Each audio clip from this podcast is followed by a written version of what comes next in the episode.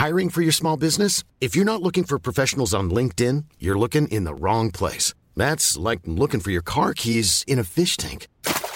LinkedIn helps you hire professionals you can't find anywhere else, even those who aren't actively searching for a new job but might be open to the perfect role. In a given month, over 70% of LinkedIn users don't even visit other leading job sites. So start looking in the right place. With LinkedIn, you can hire professionals like a professional. Post your free job on linkedin.com slash people today.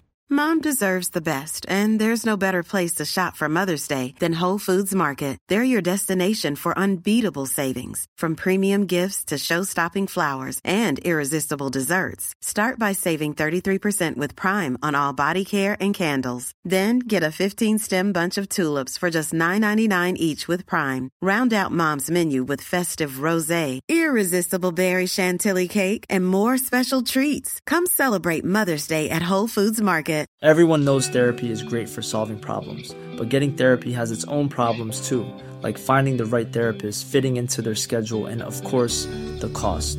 Well, BetterHelp can solve those problems. It's totally online and built around your schedule. It's surprisingly affordable too. Connect with a credentialed therapist by phone, video, or online chat, all from the comfort of your home. Visit betterhelp.com to learn more and save 10% on your first month. That's BetterHelp, H E L P. Vi är denna vecka sponsrade av Indie Beauty. Och Sofie, det här tycker jag är extra fint och extra roligt. Ja men Indie Beauty är ju ett skönhetsvarumärke som jag tror att väldigt många känner till, men det jag älskar mest det är att Indie Beauty liksom vill vara mer än bara produkter, vilket de ju också är. Exakt, Indie Beauty står ju för Independent Beauty, skönhet på dina villkor och för din egen skull.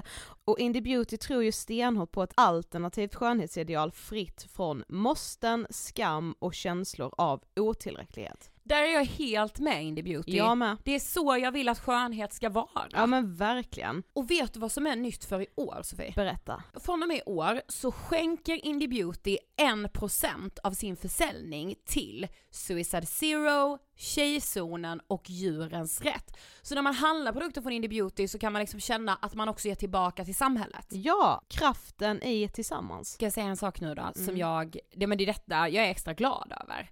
Nu har Indie Beauty tagit fram en keps och den tycker jag ändå så på sommaren, skydda sig från solen. Jättebra, jag älskar kepsen. Men det bästa, de bidrar till Suicide Zeros viktiga arbete för att minska antalet självmord och självmordsförsök.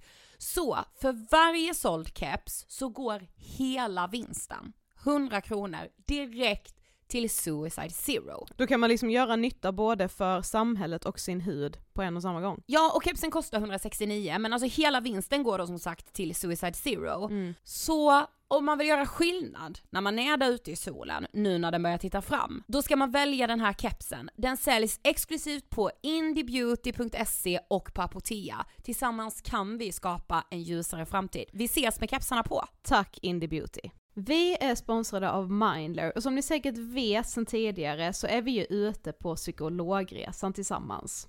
Men hur vet man egentligen när det är dags att söka hjälp? Ibland uppstår saker i livet som kommer utmana oss och kännas tufft. Det mesta självläker vi oss igenom, för vi är menade att ta oss igenom en viss mängd påfrestningar. Men ibland behöver man professionell hjälp för att ta sig ur jobbiga perioder i livet. Men vart går då gränsen? Vad är en del av livets skavighet och när är det läge att söka hjälp? Det sägs till exempel att stress är farligt, men att det också kan vara bra. Alla sover dåligt ibland, så när har man egentligen sömnproblem? Ångesten kommer väl krypande för de flesta någon gång. Så när ska man se ångesten som outhärdlig? Hur vet jag? Med oss som psykolog har vi såklart min gamla psykolog Linnea Seidbrant. Men Linnea, vad är egentligen utmattningssyndrom? Utmattningssyndrom är en konsekvens av svår och långvarig stress utan möjlighet till återhämtning. Mm. Vi är ju då skapta för att klara av stress, men vi behöver också återhämtning. Om du utsätts för för mycket stress under en lång period utan att du får till den nödvändiga återhämtningen så kommer kroppen till slut att säga ifrån. Och det är faktiskt så att alla har en gräns. Du kan drabbas av en rad fysiska eller psykiska besvär som trötthet, sömnproblem, hjärtklappning, besvär från magen och tarmarna och mycket annat. Och det här är ju då varningssignaler och tecken på att du kan behöva göra någonting åt din situation. Annars så kan besvären utvecklas till att du mår så dåligt på sikt att du blir psykiskt och fysiskt utmattad. Ladda ner Mindler till din telefon och läs mer på mindler.se.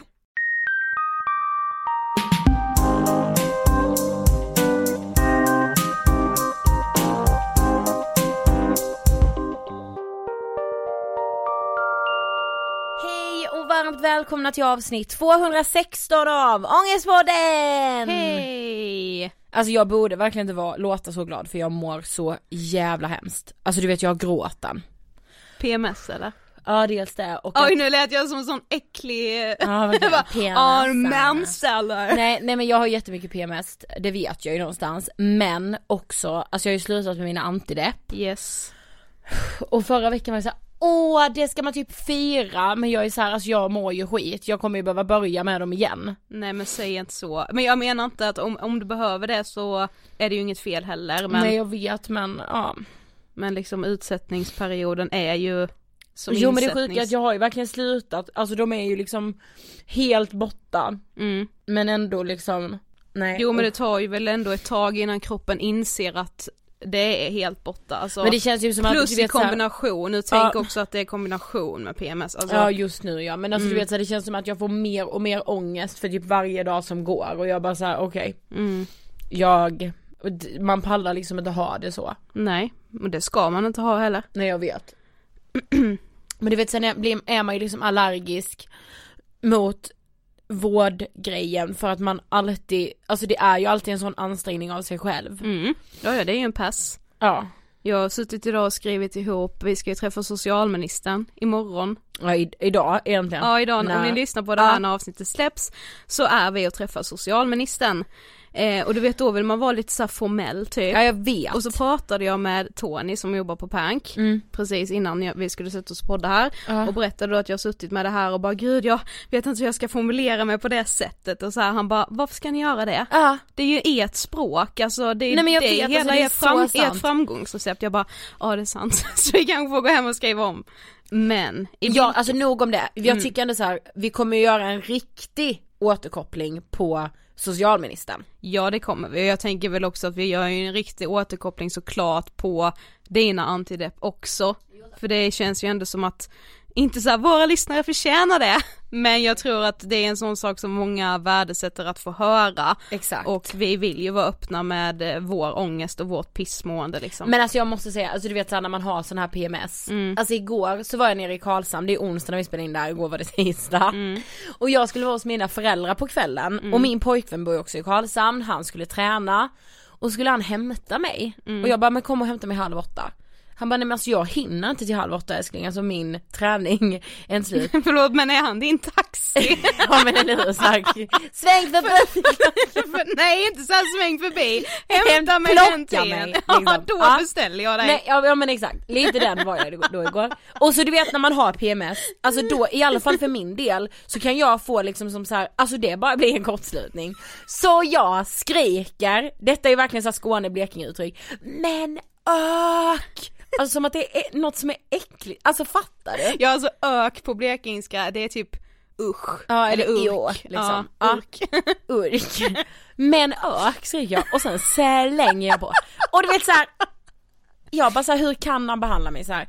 I typ så här tre minuter, sen får jag ju ringa upp och han bara, Ja. "Ja, det är lugnt liksom men vad, alltså vad är det här typ? Och Taxi, jag bara, men jag god dröj." undrar Och jag bara, men jag undrar också vad det är, Ja. Liksom, ja, ja fy fan. Ja. Nog om det. Ja. Alltså veckans gäst, alltså jag är så glad att vi, Nej men vi har har, så mycket gäster här nu, liksom förra veckan, jag har knappt smält Linnea Henriksson intervjun. Nej. Och så kommer nästa här nu och så råkar jag veta att nästa vecka igen har vi också en så sjukt bra Ja, jag gäst. vet. Det är mycket bra som händer i Ångestpoddens flöde just nu. Så den här veckan, som ni ser, gästas vi av den fantastiska Linda-Marie Nilsson. Ja. Ja men, Och vi ska ju ha poddat med Linda-Marie sen förra våren. ja hon är som en liten bebis vi har fått ut så Ja att säga. precis, det skämtar vi också Ja ni, ni får höra detta i intervjun. Men, men Sofie du sa en så fin sak om Linda-Marie när vi precis hade poddat. Alltså som så här ringade in verkligen vad man kände när man träffade henne. Mm. Kommer du ihåg vad jag menar? Nej. Då sa du så här, du bara, nej men alltså jag känner att Linda-Marie är en person eh, som jag kan komma så nära med att jag säger jag kan gråta Ja, ja, henne. ja, jag sa, eh, alltså det är få gånger jag träffar människor som jag bara känner så här. det där är en människa som jag känner att jag kan gråta framför. Exakt. För jag gråter ju så jävla sällan, Mm. inte för att jag liksom, det är bara för att jag har svårt för att gråta i allmänhet. Men ibland bara känner man den här att, åh, jag vill bara krypa upp i den personens famn Ja, typ, jag nej, men- vill visa mig sårbar för den personen. Ja men jag kände med så att, ja men du vet så här, jag, jag vet inte vad det var men Linda-Marie utstrålade sån jävla värme. Ja, Alltså hon kändes bara så genuin och äkta. verkligen. Eh, och det, ja jag vet inte, det var bara extra härligt att träffa henne. Mm. Det är härligt att träffa alla och så nya möten men det här satte sig. Mm, det gjorde det. Eh, och såklart så ville vi ju prata om Linda-Maries bok, för Linda-Marie blev ju författare här förleden tänkte jag säga, för snart ett år sedan va? Mm. Eh, och Linda-Maries bok heter ju Så lärde jag mig att älska min kropp. Mm. Och det kändes så här, kan man ha en bättre liksom slogan på ett avsnitt? I tider när liksom kroppshat, fettförakt Mm. eh, och så här osunda ideal hela tiden cirkulerar. Nej men och jag känner mig så här, vi har ju, vi gjorde ju ett avsnitt med Sara Songbird, det är ganska länge sedan nu, men Ja. det är också ett avsnitt som gjorde så starkt intryck och avtryck på mig och Mm. hos mig.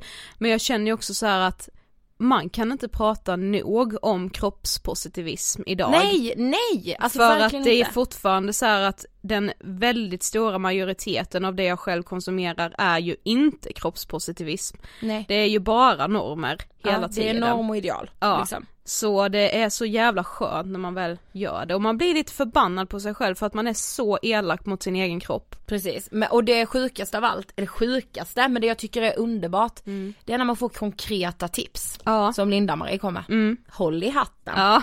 Vi- Vi åker, eller? ja. Vi rullar intervjun med Linda-Marie. Varsågoda!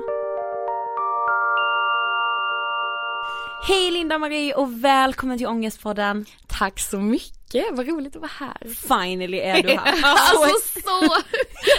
alltså, vad äntligen är dagen här Nej, känner men jag jag. sa det när jag kom in här, jag bara Ja. förlåt att jag är fyra minuter sen och nio månader typ. För att jag skulle ju kommit i maj förra året. Ja, det är som att vi har väntat på en liten bebis.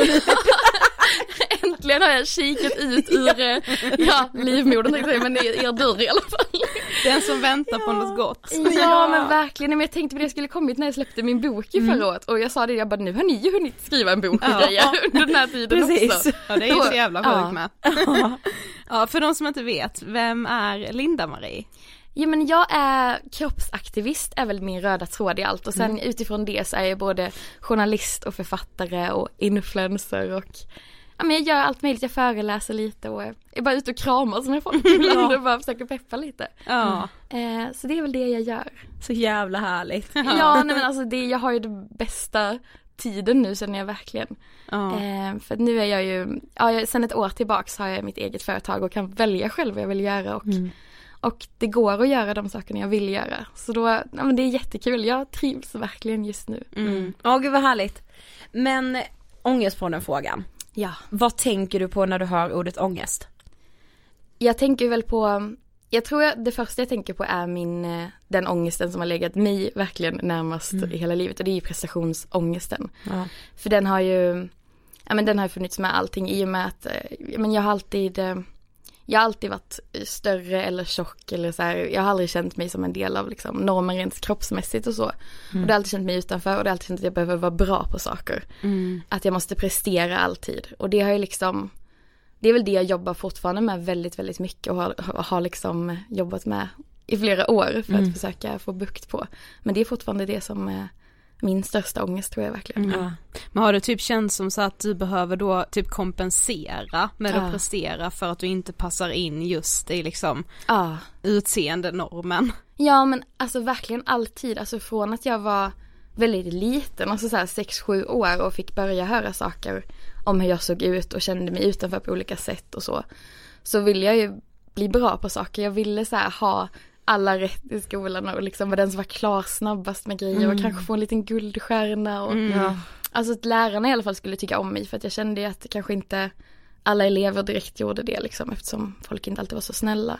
Och sen fortsatte ju det här alltså så länge till att jag började jobba och skulle liksom, när jag blev journalist skulle jag ju verkligen skriva flest artiklar, det skulle klicka mest, alltså sälja flest tidningar, jag skulle hinna göra flest intervjuer, alltså det var, det fanns aldrig något stopp. Och det var också så här i mitt privatliv också att om jag väl liksom fick någon kompis om någon ville hänga med mig så skulle den, alltså den skulle skratta så mycket, det skulle vara så roligt när det var med mig för det skulle vara det bästa de varit med om liksom. Ja. Och samma sak om jag väl skulle få träffa någon, ja i mitt fall då en kille, eh, att jag skulle verkligen vara bäst på allt han ville göra för att han skulle bli nöjd liksom. Fan, Alltså jag man kan relaterar så mycket, alltså. Ja. Jag också. Ja, och och bara så så- hur vill han ha mig? Ja, men- För jag kan bli så. ja, nej men verkligen för att jag kände hela tiden att de måste, alla måste glömma hur jag ser ut och, och liksom bara tänka på hur bra jag är för att annars kommer de inte kunna se förbi att jag då inte är smal. För Ja. det, det var ju det jag tänkte att om, ja, om jag inte är smal då måste jag kompensera det här och Mm. verkligen överkompensera på alla sätt. Åh fy fan så många som kan relatera till det. alltså Men verkligen. vi tänkte lite när vi skrev den här intervjun att liksom temat skulle vara just det här att liksom älska sin kropp. För Ja. att vi tror att många av våra lyssnare behöver lära sig det och vi behöver definitivt Ja, alltså, bli bättre ja. på det också. eh, och din bok heter ju Så lärde jag mig att älska min kropp. Men varför tror du att det är så många idag som inte gör just det? För att det finns ingenting typ i vårt samhälle som pekar på att man ska få vara nöjd någon gång. Alltså från att man är liten så blir man ju verkligen så matad med Alltså när jag var liten, alltså tecknade filmer, alltid skämt på liksom om det finns någon rund eller tjock karaktär oavsett om det är ett djur eller en människa eller vad det är. Så ska den skrattas åt eller vara dum eller liksom fastna eller ramla eller vara klumpig eller helt enkelt gå hela rollen ut på att den sitter och äter typ. Ja, ja eller hur. Eh, alltså, Ja, verkligen. Och, eller så här, åh, ska vara osmart eller, alltså det kan inte bara vara. Det är aldrig så här att den får vara en neutral karaktär eller en Nej. positiv karaktär utan då är det alltid ska göras en grej av att den är annorlunda på något sätt. Precis. Eh, så det är ju redan från det liksom och för min del fick jag ju höra både av nej men alltså jämnåriga barn och vuxna redan när jag var så här, men åtta år typ att eh, Nej men jag minns verkligen en sak som jag skriver om i boken också att det ja, men Jag tror jag var kanske 8, 9, 10 år och det var en vuxen man som var vän till mina föräldrar som satt med liksom när vi satt åt eh, och väntade på att min pappa skulle bli klar. Och då tittade han på mig och sa, men ska du verkligen äta mer mat? Och det är så här, jag tror verkligen inte att den här människan kommer ihåg det här på något sätt. Nej. Men, men det är så här, för mig, det är 20 år sedan kanske, alltså ungefär, för jag är 27 nu. Och jag kommer ihåg det Ja. så himla mycket för att det var första gången som jag minns att jag liksom reagerade på det. Att, att någon vuxen som är så mycket större än vad jag Ja, var då precis. liksom tycker att det är något fel på mig och att det är något jag måste liksom tänka på och förändra. Och att det då skulle vara så viktigt så att han till och med kommenterar. Ja, och alltså, att så det här- inte var något konstigt för honom att säga utan att han tyckte det var jätterimligt att säga till en nioåring typ.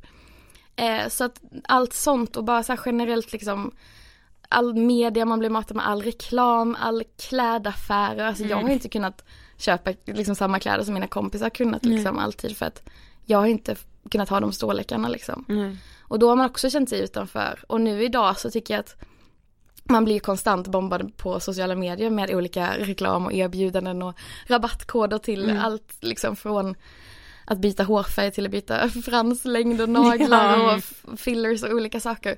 Och ja, folk får göra vad de vill men jag bara känner att det finns ju verkligen ingenting som pekar på att man får vara som man är. Det är Nej. okej. Utan det finns alltid någonting som ska justeras och ändras Precis. och fixas på. Ja. Har du gjort ena så kommer nästa grej. Ja. Eh, så därför tror jag att, eh, att det är en jättestor liksom, faktor Mm. för att ja, det finns verkligen på inget håll man vänder sig så finns det någon som säger att du är okej liksom. Nej. Och Du det är läskigt med för dig. det är så många gånger man har tänkt att om, jag bara gör det där, Mm. då kommer jag se så jävla bra ut. Ja. Ja, och så gör man det typ ja. såhär, ja men när jag testade att göra ögonfransförlängning Ja. typ. Sen bara insåg jag när jag väl hade gjort att ja det blev ju fint och så här, men nu hittar jag ju nästa grej. Ja, men det finns ju hela tiden Alltså- något och jag inte är nöjd med. Ja. ja, men jag har ju gått runt och tänkt hela livet att bara jag blir smal eller bara Ja. jag går ner till den här storleken eller den här vikten. då kommer allting bli så bra, då kommer alla älska mig, jag kommer älska mig själv, Ja. allt kommer vara Mm. fantastiskt. Ja det är typ det som är det värsta, att man tänker också att då kommer andra älska mig. ja, det är inte så man- jättemycket så här, då kommer jag tycka att jag är fin, Nej, nej, utan det är det här, nej. då kommer jag få så jävla mycket mer eh, komplimanger, det kommer vara fler killar som springer liksom- efter mig tänker jag eftersom Ja. jag är hetero liksom, alltså det är hela den Ja, samma här, andra jag kommer ska... kunna köpa de snygga kläderna i de där storlekarna som inte Precis. finns i min storlek nu och. Alltså så här, ja jag kommer få så många likes då för att Ja, folk kommer tycka att precis. jag är så duktig som har gjort den här förändringen också och Ja. typ allt möjligt sånt. Och man Ja. tänker så att, och då i förlängningen kommer det ju innebära att jag blir en lyckligare person. Ja, precis. Exakt. Man bara, men va? Nej! Ja. Men alltså just när du pratade också om din uppväxt och sådär, Ja. för du skrev en sak i boken som vi bara tycker är liksom så talande. Mm. Att så här, under dina första år så kunde man kommentera så här: åh vad stor hon har blivit, Mm. och då var det lite så här positivt och härligt, åh hon växer. Men sen kommer det liksom ett skifte, Ja. men kommentaren eh, stannar kvar att så här, vad stor hon har blivit, men då klingar den inte positivt längre. Nej men exakt. Kan du berätta lite om det? Ja för det, det var en sak som jag liksom började tänka på när jag skrev den här boken. Att när kom den här vändningen? Ja, för att när jag var liten, alltså jag föddes typ två veckor sent så att jag hade hunnit växa på mig ganska bra liksom. Eh, när jag väl kikade ut genom den original livmodern. Eh, Men eh, nej så då var folk, jag minns ju typ, alltså fortfarande när så här, typ mamma och pappa berättar om typ när jag var liten så är det verkligen så här att alla var så imponerade över hur fort jag växte och att jag var så snabb med allting och började gå fort och liksom att jag var så stark och ja, men att, man, att man helt enkelt växte bra liksom. Så att det var en positiv grej. Eh, och det är så konstigt att tänka att sen bara liksom, ja men kanske sju, åtta år senare så fick jag då höra tvärtom då av en annan vuxen människa att jag borde krympa istället. Ja, Eller i alla fall stanna liksom. ja precis. Alltså. Eh, så det är så sjukt att det, alltså att överhuvudtaget att det gör sån skillnad liksom. Mm. Att man kommenterar så mycket kring storleken på ett barn och eh, Exakt. så hela tiden. Mm. Men också att det sker ett så, kanske ett så snabbt skifte till vad en vuxen människa tycker är bra Precis. i deras ögon. Och det är så sjukt men när det är exakt samma ord men som väger så otroligt annorlunda. Verkligen. Ja, men du skriver en annan sak i din bok som när man läser det så känner man verkligen hur hjärtat typ går i tusen bitar. Eh, kan inte du berätta om vad väger en våg? Ja, åh. Det här är sån sak, alltså när jag skrev min bok, jag skrev ju faktiskt nästan hela min bok i mobilen på bussen till och från jobbet. Ja, för att jag hade liksom wow. ingen tid riktigt. Jag behövde skriva den på typ en månad och Oj, jag ja. jobbade heltid då. Men jag minns att jag satt på bussen så här och liksom gick igenom mina anteckningar så här varje dag och så skrev till nya saker jag kom på. Och när jag kom att tänka på det här minnet, alltså jag, jag blir så ledsen fortfarande Ja. när jag tänker på det. För att det var, jag tror jag var men 8-9 år då också. Och jag hade fått, jag fyllde år och jag hade fått en sån här Mina vännerbok. Hade ni en sån? Ja!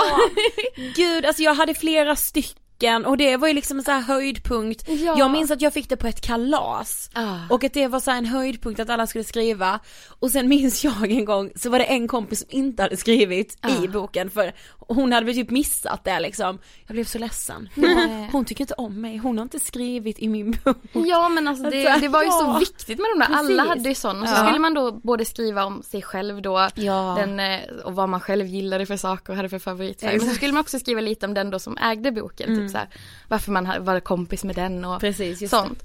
Och då minns jag att eh, Ja det var min kusin som skulle skriva på frågan då vilket stjärntecken, det var någonting om mitt stjärntecken då. Ja. Och då skrev hon Linda Marie Våg och hur mycket väger man då, haha. Och hon liksom, och hon var ju så här glad liksom när hon lämnade över boken och tyckte hon hade skrivit något jätteroligt för att för henne, alltså hon hade ju antagligen precis som jag också lärt sig att man skrattar åt de tjocka liksom. Eller de som inte ser ut som en själv. Precis. Eh, så hon tyckte att det var roligt och jag minns att jag jag blev ledsen men jag försökte också skratta och bara liksom. Och sen så vill jag inte, sen så vill jag inte använda den boken så mycket mer utan jag gömde undan den lite för att jag vill, jag blev så ledsen när jag läste det. Att det var liksom det hon tänkte på också och tyckte var roligt, liksom skojigt och Mm. Ja men det är så hjärtskärande. Ja. Alltså jag, jag bara kan tänka mig när du liksom Ja. slår upp och ser det att så här, ja. jaha, alltså. Nej jag önskade så mycket att jag var ett annat stjärntecken minns jag för att man inte kunde Nej. vikt skämta om. Jag bara fan varför blev jag våg? Varför kunde jag inte få bli jungfru?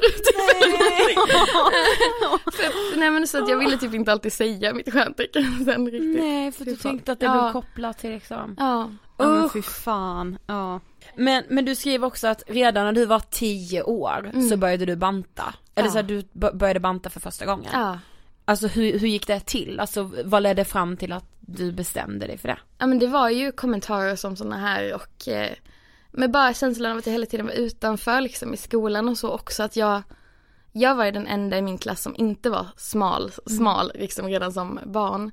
Och jag blev ju inte, alltså jag blev ju inte bjuden på alla kalas och det jag minns det, det låter helt sjukt men det var ju en kille som var tillsammans med alla tjejer, alltså typ 15 tjejer i, i, i, när vi var sex år. Ja. Alla utom en i klassen, alla utom jag. Nej men, Och då tänker man hela tiden vad som är, vad, vad är det för fel på mig? Ja det måste ju vara den, den skillnaden som jag har fått påpekad för mig flest gånger liksom. Och det Ja. jag själv har räknat ut när jag har kollat på filmer och på tv och, och så. Att det är att jag är tjock. Eh, och sen så hade jag ju också en liksom, mamma som bantade väldigt många gånger. Alltså hon har ju aldrig någonsin sagt till mig att jag ska göra det eller att, att det är något fel på mig. Utan hon har alltid sagt att jag är världens finaste liksom. mm. Men hon har ju aldrig sagt det om sig själv. Utan det har ju börjat nya liv varje måndag och det har börjat på liksom GI och ja, allt 5-2, allt vad de heter, viktväktare, olika så här sätt att gå ner. Hon har ju pratat mycket om ja, men storlekar hon har haft innan och kläder hon har haft när hon har varit yngre som hon har velat ha igen och, ja. och så. Så att då har man ju tänkt också så här, alltså man börjar ju verkligen så här tänka redan när man är liten att det, är- det är det de vuxna tycker är bra. Ja. För det var inte bara min mamma som pratade om det utan Nej. det var ju så fort det kom liksom en granne eller en släkting eller Precis. liksom vad som helst. Det var ju typ det vuxna människor pratade om. Det Mm. var ju typ ja, men att de inte, nej jag, jag äter ingen fika just nu för jag håller på med det här eller det kunde ju inget så bröd till maten. Precis, Så det kunde man ju höra så lärare säga också. Ja, Ja Exakt. det vet jag ju nu med att det är ändå en sån sak som man kommer, alltså om någon typ rasar i vikt eller börjar på en diet Mm. och går ner, då är det inget som går folk obemärkt förbi utan folk ska ändå kommentera det Ja. om den här personen då så här bara, ah hon har gått ner så mycket i vikt eller Ja. hen har gått ner så Och mycket. alltid Alltså, med den här, åh lite positiva Ja, tonen. det var ju också precis. det man fick höra Ja, hela tiden. Att precis. folk sa, men gud vad duktig du har varit Ja. som har gått ner två kilo nu sen sist vi såg. mm, så. wow vad har du Och wow, gjort? du måste ha en mindre storlek. Woho! Ja precis. Alltså att det var så himla så laddat med något positivt liksom att eh, det. Så då tänkte jag men det, det, det är så jag ska göra också. Ja. Eh, så det började, började väl liksom med att jag började liksom välja bort så här, ja, men godis på fredagen, alltså sådana saker och äta mindre portioner liksom och, och röra mig mer och verkligen så här Ja, men jag, försöker, jag minns att jag låg, liksom, det var kanske typ 12 år, att jag låg och gjorde så sit-ups i sängen på natten. Ja, alltså det, när du skrev om det, alltså man dör. nej men alltså man bara nej, alltså nej en 12-åring alltså det får inte liksom hända. Nej. Alltså, Nej för då tänkte jag bara men om jag kör nu, försöker göra hundra typ. Jag hade så ont i min mage alltså, men jag tänkte men då kanske jag vaknar lite smalare eh, när jag vaknar. Så jag sprang liksom typ till vågen på morgonen efter det för att se om det hade hänt någonting. Och, ja, men så höll jag på sådär liksom. Och det, det liksom, det bara fortsatte ju. Ja, De här bantningsförsöken liksom. ja. Alltså väldigt länge liksom, fram till för några år sedan. ja. Men och just det här med liksom hur föräldrar pratar Alltså om sig själva, Ja. det handlar väl mycket om hur man typ så här som mamma kanske också hur man beter sig kring smink och ifall man kan liksom visa sig utan smink. Alltså jag tror man tar efter så himla mycket efter sina föräldrar, Ja. mer än vad de kanske tror också. Det gör man verkligen. Men, men vad liksom, vad har, vad vill du ändå säga kanske till föräldrar som kanske lyssnar på det här, alltså hur ska man prata kring liksom kroppen och allting? Eller ska man inte göra det alls liksom? Alltså hur ska man bete sig kring just de här sakerna för att inte påverka sina barn negativt? Ja, alltså det är ju supersvårt, speciellt jag är ju ingen förälder liksom, men jag kan ju bara tänka vad jag, vad som jag nog skulle ha mått bra av liksom. Och det är ju verkligen att, alltså att inte ständigt höra om hur mycket bättre saker ska vara och hur mycket man vill gå ner och att föräldrar inte behöver väga sig inför sina barn eller prata om att man väger sig eller prata om exakt vad man väger sig för då är det jag sprang ju dit och vägde mig själv och bara åh jag väger så mycket i förhållande till min mamma till exempel och jämför sig men att, och att man inte kommenterar andra människors kroppar på, på tv eller på bussen eller på Precis. stranden så här för det gör ju vuxna också väldigt Ja. ofta liksom Exakt. Gud jag jag bara det gör vuxna som att jag inte Ja, är det där, som att vi är små barn. Ja, men jag känner mig typ lite när Ja, jag men pratar gud, om ja, det här Men det förstår jag, alltså ja. Men att man också att man fokuserar lite mer bara på alltså kroppens funktioner istället för utseende liksom. Att så här, att man går ut och rör sig för att det är kul att vara ute. Inte Mm. för att nu ska vi, eftersom vi fikade nu, då måste vi gå ut och röra oss sen. Nej, Så här, nej, precis. För det var ju också mycket så liksom. Att, Mm. att man skulle kompensera för det ena hela tiden. Mm. Eh, Och samma med mat då, att man inte, att man, man äter det som är gott och det man mår bra av liksom. Men inte så här väljer bort saker för att man har läst i en tidning att nu ska det här göra att kroppen rasar i vikt liksom så. För att det fick man ju höra också. Ja. Så verkligen, alltså försök släppa fokus på utseendet på kroppen, både din egen och andras inför ditt barn liksom. Men alltså just det du säger med, tänker jag så här mycket på att, alltså, alltså att man kommenterar andras Ja. kroppar. Alltså under hela min uppväxt, alltså så här, alla kompisgäng jag har varit i, fram till liksom nu i mer vuxen ålder så har det ändå varit en del, alltså man har Ja. suttit och kollat på typ så här mello, så har man liksom kommenterat kropparna, alltså jag har Verkligen. själv också gjort det för att så här, det har bara slinkit ur att så här, aha, har inte hon där, den ser äldre ut nu, den har gått upp, den har gått ner, alltså att vad, vad fan, Ja, så här, Ja, men de där kläderna var gjort inte, ja, de där typ- kläderna var inte bra till hennes Nej. kropp Ja, och det är precis. ingen, ja. ja. Exakt, mycket så. Ja. Och bara generellt om, alltså så här, vilka man då tycker är snygga, att man bara, men gud hon är, tycker jag är så himla snygg för att hon, så här, och då är det alltid, alltså just som jag har märkt i alla fall, det är alltid samma typ av kroppar man recenserar på ett positivt Ja, sätt. verkligen. Eh, och då lär man sig också liksom att, ja men det är det här vuxna tycker är bra, då, då ska jag försöka bli så. Mm. Men alltså vet ni vad jag brukar tänka på? Nej. Alltså om jag hade varit typ tio år när så Paradise Hotel, Ah, Ex on the beach, alltså sådana program kom. För där är det ju verkligen oftast bara en typ av Ah. kropp som representeras, väldigt normativ. Ja. Ja den stressen, jag kan ju få stress även om jag ändå är på en ganska så plats i mitt liv där jag så här kan tycka om min kropp jättemycket vissa dagar och Ja. kämpa betydligt mer andra. Men fan vad det kan påverka mig när Ja. jag ser de kropparna för att så här, gud jag är så långt ifrån det där, alltså va? Ja. Nej, jag kan bli så jävla verkligen. förbannad, alltså det vet jag att jag har nämnt innan på den när vi typ har pratat om liksom kroppen och så. Mm. Men just det här med att eftersom det alltid är samma typ av kroppar som recenseras på det här positiva sättet, Ah. att det där är en jävligt snygg normativ kropp. Ja. Det får ju mig att tänka om min kropp eller om mig som person att Ja, nu måste jag lära mig att bli nöjd med mig själv, men jag är ju inte mitt snyggaste jag. Mm. För jag har inte ansträngt mig för att se ut som, Som den normen, normativa ja. kroppen. Men exakt. Och just att, ja, men att folk använder också liksom just, alltså så här, när de pratar om att de ska få en snygg kropp. Mm. Det är ju alltid samma sak de menar. Det är ju liksom den här idealet, ett smal, en smal Precis. tränad liksom, kropp. Ja. Eh, och att man ofta, eller som jag känt i hela mitt liv, att många så här som inte är tjocka använder ordet tjock som en känsla liksom. Eh, Alltså, Att man känner är- sig tjock, men gud alltså jag känner mig så himla tjock nu. Ja. Efter att man till exempel har ätit någonting eller panik av det. eller liksom eh, känner att man har en dålig dag liksom generellt. Då använder man det som något ord, liksom som synonymt med oattraktiv då eller Ja. dålig liksom eller ful. Ja precis, alltså så, att som att det är en aldrig- känsla, Ja. det är, alltså det är, Och man använder ju stopp, inga andra alltså. så här adjektiv, alltså på det sättet så här, men gud vad jag känner mig fräknig idag eller vad jag känner mig brunhårig idag fast man inte, alltså det är så jättekonstigt. Jag vet, det är ju Ja. helt sjukt när Ja, man men- tänker det så. Ja, liksom. verkligen. Ja. Men att så här, ordet tjock är, alltså det är så jävla laddat. Ja. Och vi har liksom tagit det ordet så här, kidnappat det till att vara något dåligt och bara laddat det med så allt, alla dåliga känslor vi kan Ja, känna verkligen. typ. Och Men bara, det är ju också för att man får ju aldrig som liten höra så här. En vuxen skulle aldrig säga, nej du får inte säga att hon är smal. Nej. Men man får, man, men så här, man får ju hela tiden, nej så säger man inte om man skulle ha sagt att någon är tjock. Exakt. Det är så här, Man säger inte till någon att den är tjock.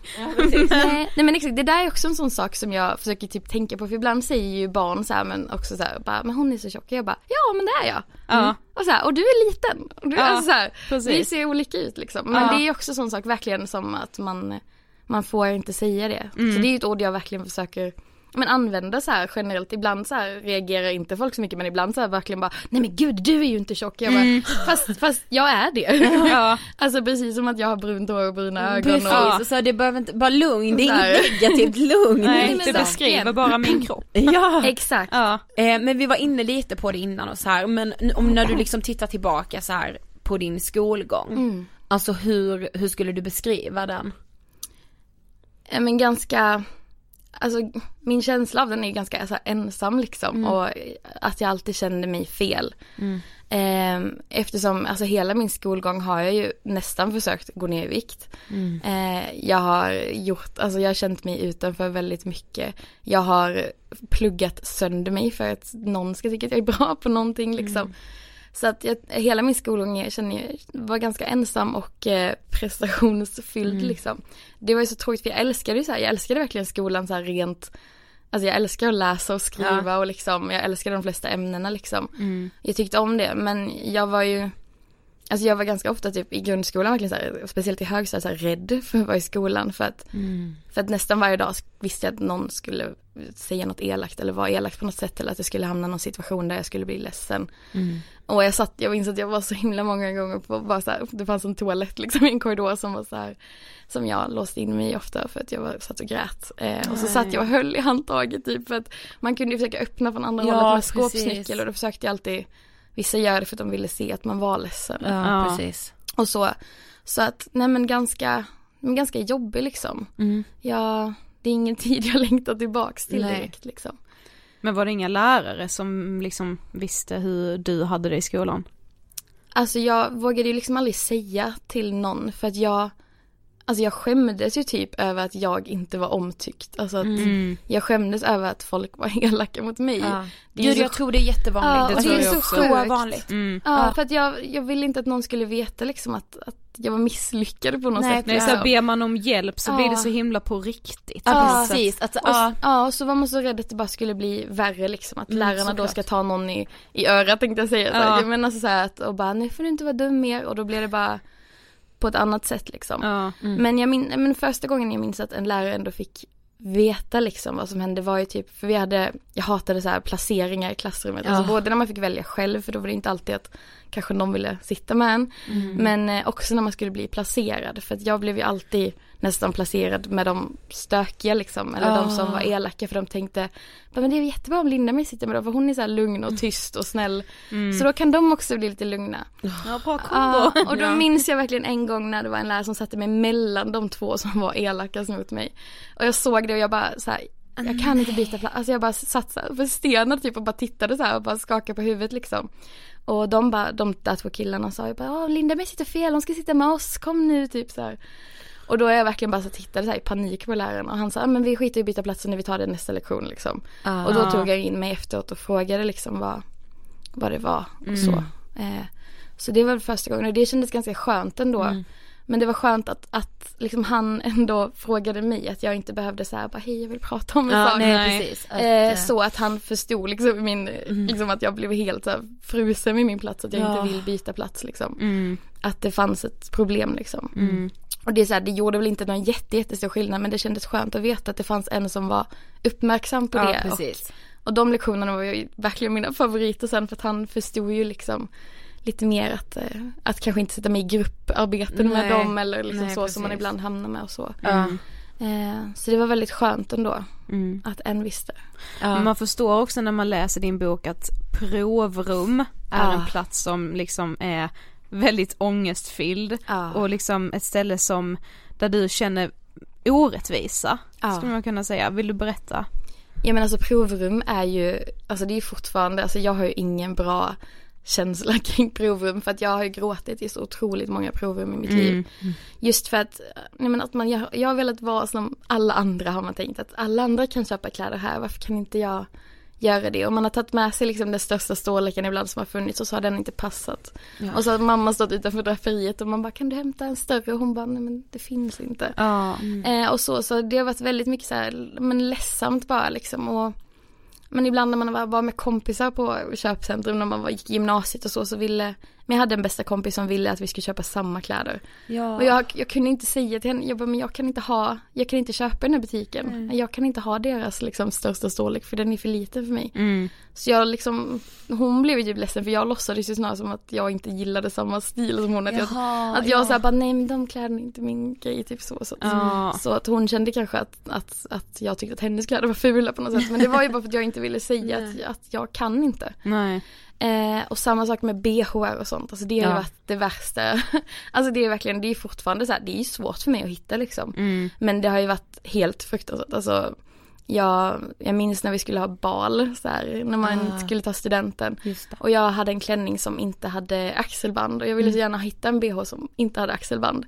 Och jag vet inte, jag åkte med mamma till någon så här specialbutik då liksom för att jag bara men här måste de ju ha, även om det var så lite ångest att gå in där för det var lite så här en tantbutik och man var typ 18 och ville köpa på de vanliga kedjorna Ja, som alla precis. andra. Mm. Och jag minns att hon som stod och jobbade där typ tittade på mig och för att hon skulle väl liksom bedöma vilken storlek man har.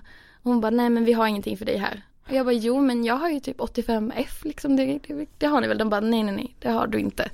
Eh, här, du har mycket större och det är inget vi erbjuder här, men tack för att du kom typ. Och det Alltså var, fy ja, och det var så hemskt för då hade man verkligen så här samlat mod för att gå till den här butiken som ingen i min ålder liksom gick till. Nej. Och inte ens där så var det någon som kunde hjälpa mig. Så då kände jag mig också så himla fel och bara Alltså jag ville bara, då, jag googlade väldigt mycket på olika bröstförminskningar där ett tag för att jag Ja, nej men för att jag kände att då skulle det också bli lättare liksom. Mm. eh, Rent att få vara med liksom. Mm. Nej så att jag minns när man väl hittade någon bh som satt någorlunda liksom Det satt ju aldrig bra men där det gick ändå Så hade jag ju typ en Alltså som jag hade i typ varje dag i ett år Mm. Och alltså jag hade sånt skav och liksom jag stoppade in så mycket bomullstussar och det blödde ibland för de satt så illa Och det skar in så här byglar och ja, olika så här. Och den var ju, den luktade ju illa för att jag kunde typ inte tvätta den. Det var ju bara om man verkligen inte skulle hemifrån någon dag som man kunde passa, Passa på, på, liksom. Ja. Och så de var ju helt liksom, ja. ja nej det var inte alls kul. Och det är liksom en sån sak som jag tror ingen tänker på om man, om man kan gå och köpa en bh i en vanlig precis. butik så här att Ja oj det kanske blev lite dyrare i en större storlek men jag kan fortfarande köpa en liksom. Ja. Men nej jag har ju aldrig typ kunnat det. Det var ju först, jag tror det var för typ bara tre år sedan typ och jag hittade en butik som som där jag fick ett så jättefint bemötande och de bara ja men vi har, vi, vi plockar in fem bh till dig så liksom hjälpte de på, på dem på mig och allting. Ja. Bara, den här satt ju jättefint. Och jag trodde ju de som typ skojade, jag bara men det här kan inte vara, alltså finns det? Ja. Nej så då var det, då grät jag nästan i det perioden för att jag var så glad. På grund av lycka Ja, det är så sjukt, alltså det är så här, va? Tog Alltså, hela CSN-bidraget till att köpa bh. Men så det kan ju inte vara, alltså du ska liksom inte behöva vara 24 år när du Ja. hittar en bh som, alltså då måste ju alla fatta att så här, förstå hur skevt samhälle Ja. vi lever i. Men det tycker jag med som du nämner med, alltså det har du gjort både på din liksom Instagram och youtube men Ja. i boken också. Eh, just I'm Sandra, and I'm just the professional your small business was looking for. But you didn't hire me because you didn't use LinkedIn jobs. LinkedIn has professionals you can't find anywhere else, including those who aren't actively looking for a new job but might be open to the perfect role, like me. In a given month, over 70% of LinkedIn users don't visit other leading job sites. So if you're not looking on LinkedIn, you'll miss out on great candidates like Sandra. Start hiring professionals like a professional. Post your free job on linkedin.com/people today. Everyone knows therapy is great for solving problems, but getting therapy has its own problems too, like finding the right therapist, fitting into their schedule, and of course, the cost. Well, BetterHelp can solve those problems. It's totally online and built around your schedule. It's surprisingly affordable too. Connect with a credentialed therapist by phone, video, or online chat, all from the comfort of your home. Visit betterhelp.com to learn more and save 10% on your first month. That's BetterHelp H E L P. A lot can happen in the next three years. Like a chatbot may be your new best friend. But what won't change? Needing health insurance. United Healthcare Tri Term Medical Plans are available for these changing times. Underwritten by Golden Rule Insurance Company, they offer budget friendly, flexible coverage for people who are in between jobs or missed open enrollment. The plans last nearly three years in some states, with access to a nationwide network of doctors and hospitals. So, for whatever tomorrow brings, United Healthcare Tri Term Medical Plans may be for you. Learn more at uh1.com.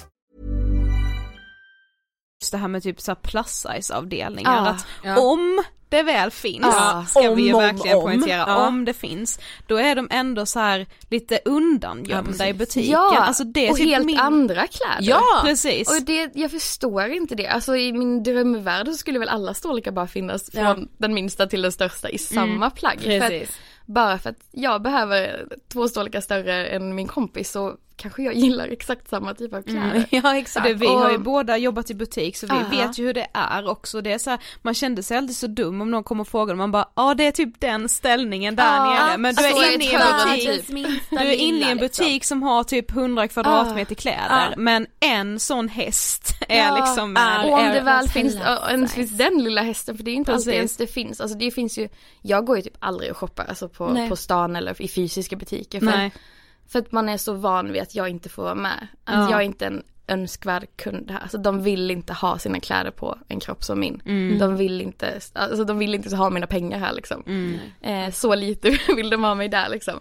Så att jag gör ju aldrig det. Jag shoppar ju typ alltså, uteslutande på nätet liksom. Mm. För att jag orkar inte liksom. Gå och leta så här och kolla på olika liksom storlekslappar och bara nej jag får inte vara med här heller. Nej. Det finns Men- liksom ingen glädje i det alls. Nej. men precis som du säger med, alltså de här då som väl finns då plus size, då är det liksom så här kläder som man bara men va, alltså varför Ja. gör ni inte i så fall samma plagg? Alltså så här, då är det så här, Ja, åh, fall någon typ- tröja som ska försöka gömma så mycket som det. möjligt av Ja, kroppen. Det är alltid det de här Precis. plus size kläderna är också Precis. som, som eh, vissa kedjor erbjuder. Ja, ska, ja. Man ska dölja sig hur man ser ut. Exakt, man bara jag vill ju verkligen, alltså jag älskar ju så här tajta kläder. Alltså jag Ja. älskar ju framhäva hur jag ser ut. Ja. Mm. Men skulle jag köpa i dem så skulle jag ju verkligen ha men, ett, ett tält liksom. Ja, Eller någon precis. slags, alltså, så här, baggy jeans Det är väldigt mycket tunikor utan form och så här, och, Precis. och det är jättekul om man gillar den stilen liksom, Ja. men det måste ju finnas ett alternativ liksom, Ja. som det finns för, för Alla de med mindre storlekar liksom. Mm. Det, alltså det är så sjukt.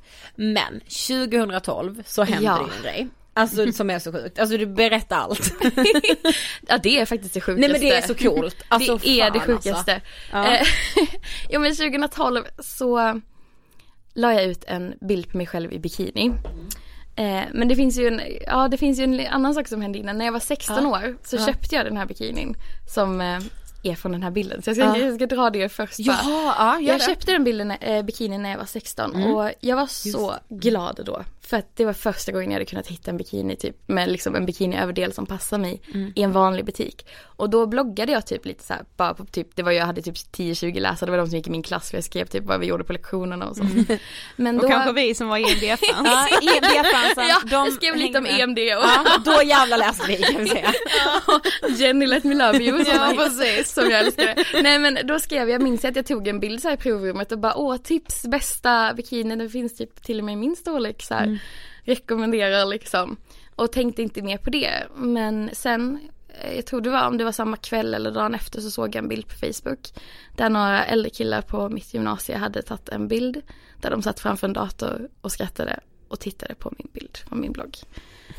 Eh, och sen så fick jag också, efter att de hade gjort det, eh, så fick jag också massa så här, plötsligt massa konstiga kommentarer på min blogg som inte var från folk i min klass utan då hade då den här bilden hamnat på andra forum, så här, anonyma forum där folk, där de, ja, jag antar män liksom skrev att, eh, Det antar man ju. att nej men olika saker, både om hur liksom äcklig och ful jag var och att eh, hur kan det här fettet visa upp sig och till att liksom Ja, jag skulle i alla fall kunna knulla med henne för att vara snäll för att annars finns väl ingen som vill röra hennes kropp. Och då var jag fy 16 fan, år. det är så äckligt, Ja, men alltså. det är så vad vidrigt. jävla under nej, all mycket, kritik. mycket sånt var det. Och jag, alltså jag försökte ju ta bort den här bilden och verkligen bara så här. Alltså all glädje jag hade känt över att hitta en bikini som faktiskt passade mig var ju Var bort- helt borta. Ja. Jag använde ju inte den på flera år, så jag tog definitivt inte någon bild på flera år. Mm. Eh, men sen då 2012, då var jag 20 år, då hade det gått fyra år typ Mm. sedan den här. Och jag hade flyttat från där jag kommer från i Skåne eh, till Stockholm och börjat plugga och liksom träffat lite andra människor och ja men det hade liksom skett lite så här små förändringar i mitt liv. Jag, hade inte, jag kände mig inte så utanför längre utan nu träffar jag lite, i min nya klass så var det väldigt mycket blandat folk liksom. Eh, och så, och så minns jag på sommaren, sommarlovet efter mitt första år jag hade pluggat eh, här uppe så åkte jag hem till Skåne och eh, min lillebror tog en bild på mig på stranden i bikini liksom när jag bara dansade runt lite. Och jag hade liksom inte lagt ut någon bikinibild sen den där som, som blev så, ja som jag fick så mycket elaka kommentarer kring. Eh, men då kände jag så här, bara fasen, jag måste, alltså någon gång, då var jag inte bara ledsen längre, då var jag så himla trött på att inte få Ja. vara med också. Mm. Jag bara, jag måste få vara med, jag, jag måste våga lägga ut den här bara till mina vänner på Facebook. Och jag hade inte så himla mycket vänner på Facebook, alltså det var ju verkligen så här, typ från min hemkommun och lite från min nya klass och så. Mm. Jag brukade få typ så här fem likes på grejer liksom. Eh, så jag la ut den, men jag minns att jag klippte bort, man vet om man ser den nu liksom så här, att jag har klippt bort mitt ansikte från den. Eh, För att jag ville inte att samma sak skulle hända igen, liksom att folk skulle se att det var jag om det nu skulle bli massa elaka kommentarer. Så att jag har inte mitt, jag tror inte jag skriver om det i boken men jag har faktiskt inte mitt ansikte med på den Nej, bilden. skri- jag tror inte du Nej, skriver det. eh, men det ja. är därför i alla fall. Eh, för att jag inte ville att det skulle ske igen. Men då skrev jag typ, ja jag kan alla med platta magar lägga ut sina strandbilder så kan jag också det. Mm. Eh, och det var ju lika mycket pepp till mig själv, alltså så här att verkligen jag bara, men jo men det kan jag. Ja. eh, och så, så la jag ut den till mina vänner. Men helt plötsligt började så här vänners vänner likea den. Och, och sen kom det in då vänner till dem. Och jag hade nog inte förstått att jag inte hade den liksom alltså, helt Privat. privat. Ja. Ja, ja. Utan att så här, jag bruk, det brukade inte vara någon annan som hittade mina bilder. Men eh, nej, så den fick ju helt plötsligt typ över en natt så här, 80 000 likes. Ja, Ja. men det säger så jävla mycket om hur folk hade så, längtat efter en sån bild. Ja, Och det alltså, var den så befrielsen sjukt. alltså. För jag hade liksom aldrig fått någons komplimang nästan överhuvudtaget för hur jag såg ut liksom. Nej. Och helt plötsligt var det 80 000 människor som gillade min bild och som, alltså 5 000 Alltså, jag som reser. kommenterade Ja, ja, ja, att den var så ler. fin och att den var så härlig och att de blev så glada över att se den och att den peppade dem att våga gå ut i bikini och helt plötsligt började det komma en massa mail från människor liksom. Men jag kommer i ihåg Sverige. bilden. Jag, Jag kommer ihåg, ihåg alltså, Gör jag ni det? filmade upp den i mitt flöde. Ja, ja. Ja, gud ja. Ja, Men gud, ja, men det Ja. är så sjukt ibland när man träffar folk idag. Ja. Typ när jag träffade min sambo för fyra år sedan. Ja. Så fick han upp sen så här, som minnen på Facebook. Han bara, jag har ju likat Ja. ja. Och vad i helvete, ja. Ja, så här fyra Ja, år ja, tidigare. nej, men verkligen, alltså jag minns den. Ja, jag minns alltså, också. Mm. Nej, så det var, och sen började det liksom komma mail, alltså så här, från först i Sverige liksom, och sen så här Norden och sen typ från e- människor över hela världen som mejlade mig. Eh, och mestadels tackade mig för den Du här var med i. The Sun va? Ja, och sen så började ju tidningarna ringa. alltså jag tror jag gjorde säkert hundra intervjuer om den här bilden. Alltså både så här tidningar, tv, radio och sen så ringde en människa från The Sun. och, och då hade de redan skrivit om mig och tydligen lagt mig på första sidan. Eh, så det var, jag minns, alltså det var så sjukt för det var så här OS i London, det var 2012. Ja. Så det var så här OS i London och sen var det jag. och sen var det en intervju med drottning Elizabeth och sen en med One Direction och jag bara Nej! och jag, alltså jag var så chockad, jag minns att de hade tagit en screenshot på min Facebook sida Ah. så här, och då hade jag en omslagsbild där jag satt med min katt Simba och jag bara så här, jag har satt med sin och jag bara Simba, Simba du är med i Dessa. För jag fattade inte inte att jag var med också. Simba One Direction Ja, liksom. Det är Det var så sjukt och det stod så Swedish heroin liksom post bikini picture. Ja. Och jag bara vadå, vadå hjälp? Alltså Ja. det var så och sen ringde de också och ville att jag skulle flyga dit för då ville de göra så här uppslag i sin bilaga liksom och fota mig och bara vi skickar stylister och så jag bara va? Men var liksom vinkeln på intervjuerna så här, ja du är verkligen en hjälte eller var det den här, ja det var det. För jag tänkte ifall det annars var så här, ja men hur vågar ändå en sån som du med Ja den jo kroppen? men det var det ju alltså, absolut också, det var väldigt mycket så Ja, eh, var det och eh, Ja men det var det ju självklart, mycket jag ifrågasättande också men Kunde du känna så här blandade känslor kring det? Alltså så här, Ja. kunde du känna att så här, bara, men gud är min kropp så här det blir verkligen en ovan? jävla Exakt grej. så alltså. kände jag. Ja. Alltså, jag var så glad och rörd över att, Mm. alltså för första gången verkligen få så mycket fina kommentarer och likes, Mm. att folk ville att jag skulle vara med på massa saker och Ja, att man kan göra något för någon Ja annan. och att liksom. andra skrev liksom allt från så här tioåringar som inte liksom ville vara med på idrott och simlektioner och Mm. sånt för att de inte ville byta om till men alltså så här, en 76-årig kvinna som mejlade att hon inte hade varit på stranden på 50 år men att hon nu hade köpt Alltså, en baddräkt efter att ha. Alltså, sett min bild. Ja. För hon bara, men jag ser ut lite som du och jag tycker du är så fin. Det är så här, och det är så sjukt både att, så här, att en 10-åring och en 76-åring har samma alltså känslor för Ja. sin kropp men också så fint att kunna hjälpa liksom att, att bara få se någon annan att det hjälper. Mm. Men sen, sen verkligen som ni säger, alltså det, jag kände mig ju minst lika fel eller så här, Ja, precis. utanför och annorlunda. Mm. För att, att det blir liksom en världsnyhet att jag ska sitta och göra hundra intervjuer och flyga till ett annat land. Att så för att jag är tjock och badar. Ja, Nej, men alltså, alltså, Lille, ja, det är precis. så här, Då blir man såhär, vänta det är så här, hur kan det vara en stor nyhet Ja. att, att en, en tjock person badar på en bild? Ja, Eh, alltså, precis. Alltså så här, och inte en kändis, alltså bara så här, jag, jag pluggade liksom och typ, Ja. Hade liksom inga följare någonstans utan Ja. det var så här, jättekonstigt var det. Mm. Och det är det, inte såhär, en smal person badar. nej, Alltså, för det det, jag inte kände också det, Alltså, hade jag vägt, alltså hade jag vägt några kilo mindre för den eller haft en två, tre storlekar mindre kläder, ingen hade brytt sig på det nej, sättet. Då hade du fått fem likes. Ja men då hade jag fått de här fem likes, Ja. så bara, kul att, kul att på stranden idag. Precis. ses sen. Ja. Nej men, nej verkligen. Eh, så det var så sjukt liksom. Men då insåg jag ju också verkligen det fina också, som också var sorgligt, alltså det är så dubbelt båda två. Men Ja. det fina var ju också att jag inte kände mig ensam liksom för första gången. Ja. För att jag hade ju alltid känt att det är bara jag som är fel. Alltså jag vill se Mm. ut som alla de andra som har det så bra och är, och antagligen är nöjda för de kan köpa kläder och de blir inte behandlade illa på samma sätt Nej. och ingen kommenterar deras kroppar. Mm. Men då insåg jag verkligen det är så många som känner samma sak. Ja, Eh, och det var väldigt fint men också väldigt sorgligt liksom. precis. Mm. Eh, så då insåg jag ju verkligen att det här, det här behövs ju liksom. Ja, mm. Alltså det är det här jag hade velat se när jag var liten. Det är saker som hade kunnat hjälpa mig att få se precis. någon som ser ut på något annorlunda sätt eller som ser ut som jag. Mm. Utan att det är så här en förebild och snart kommer en efterbild när jag har gjort 7000 Ja, förändringar precis. eller, Ja. eller liksom så som man alltid fick se annars. Ja. Eh, och jag bara, nej men gud det finns ju typ ingen sån. Det- Jag kanske kan vara en sån då Ja, för någon precis. annan. Ja. För att det fanns ju inte, det var ju alltså 2012, det känns ju inte så länge sedan men det Nej. är ju sju år sedan. Men jag hade, det fanns ju inget som, jag Absolut hade aldrig inte. hört kropp, kroppsaktivism. Nej, eller nej, någon nej. kroppspositiv- Aldrig, aldrig heller. Aldrig hört. och Instagram fanns ju knappt. Alltså, Nej, det, var ju precis. typ, det kom ju typ då. Ja.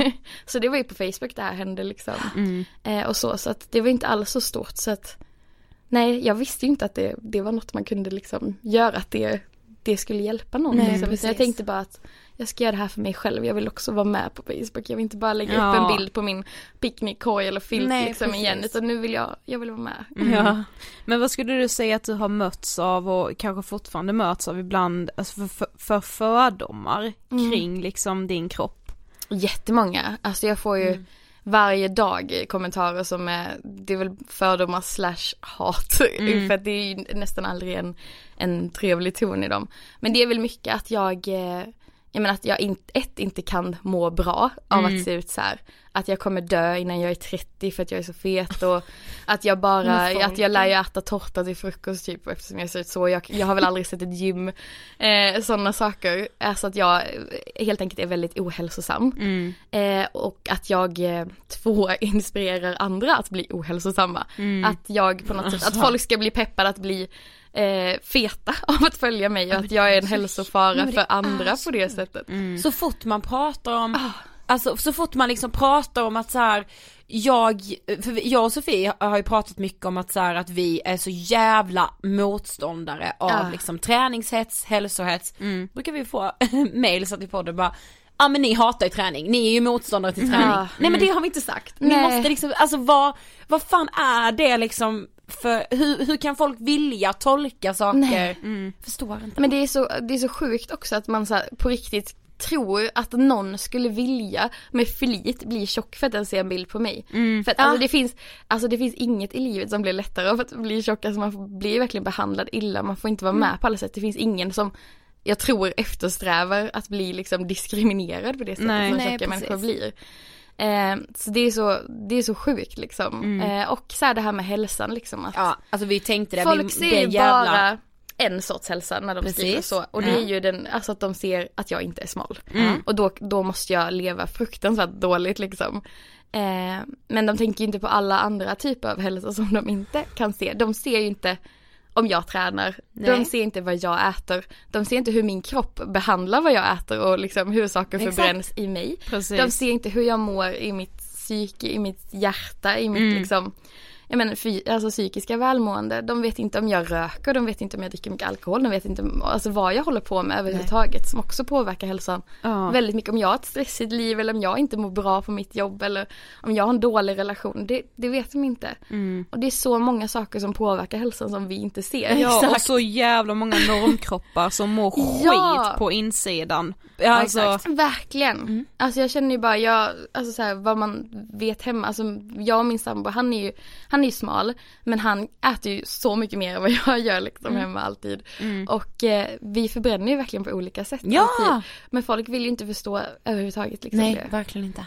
Men alltså ja, för det tycker jag är ett jätteproblem, alltså det är ju ett samhällsproblem, alltså Ja. alla myter kring Ja men kring tjocka personer, alltså Ja. det är så jävla farligt när Verkligen. de myterna sprids och så bara, jo det är sanning.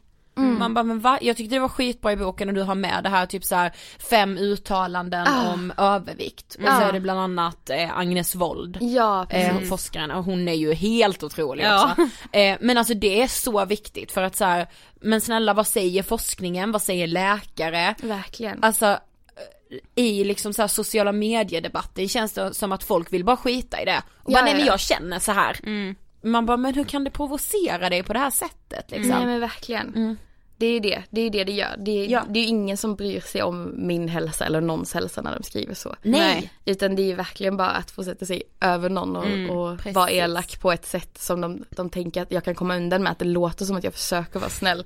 Fast jag menar illa. Ja, eh, de här hemmadoktorerna som tycker Ja, att de vet precis. allting liksom. Om. Man bara men snälla. För jag skulle liksom. aldrig sitta och kommentera även om jag ser att någon röker på en bild. Alltså jag skulle aldrig sitta och skriva en jättelång kommentar och bara här är lite länkar om varför det här är Ja. jättedåligt. Dina lungor nu Ja. ser ut så här. Visst, du kanske tränar och så men det här är fortfarande dåligt. Ja. Alltså så här, och det är, jag vill inte jämföra liksom med hur min kropp ser ut med rökning men jag skulle aldrig lägga mig i någon annans liv eller bara du verkar ha det stressigt på jobbet, det är inte bra. Nej, nej, alltså, exakt. Det är inte min uppgift, jag, jag kan inte veta hur någon annan mår. Nej.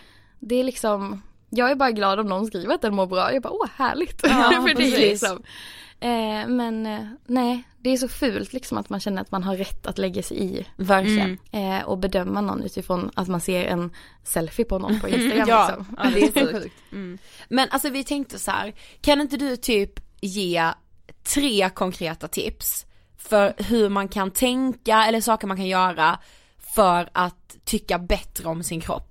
Jo men absolut. Det känns som att du är så jävla bra på det. snällt. Så vi bara nu tar vi tillfället i akt när jag, bara, jag, har, jag, har ju, alltså jag har ju verkligen försökt samla, alltså hela den här boken är ju liksom, det är ju min resa men det är också alla saker jag har lärt mig Mm. längs vägen. Tips till både en, en själv och till ja, men föräldrar och kompisar och lärare och allt möjligt. Mm. Men, men tre saker man så här, ganska lätt typ, eller så här, kan göra själv. Det är inte så, det kräver inga förberedelser Ja. liksom eller rekvisita på något sätt. Det är ju först sociala medier, för det är ju en sak som Alltså det är en så stor del av allas liv och Ja. det är en sån sak som har, det är den största tror jag saken för mig som har förändrat hur jag ser på mig själv. Mm. Det är ju att avfölja konton som pratar, ja men som du säger, som träningshetsar, vikthetsar, som bara pratar om att förändra sin kropp eller testa dieter eller Ja men så som man liksom känner att man inte får bra vibbar från Ja. eller, eller som man jämför sig mycket med och så. Avfölj dem och följ Exakt. istället alltså blandade människor. Jag följer ju jättemycket så här, kroppsaktivister som är, inte bara ser ut som jag utan så här, i massa olika storlekar och, Precis. och former och alltså allt möjligt.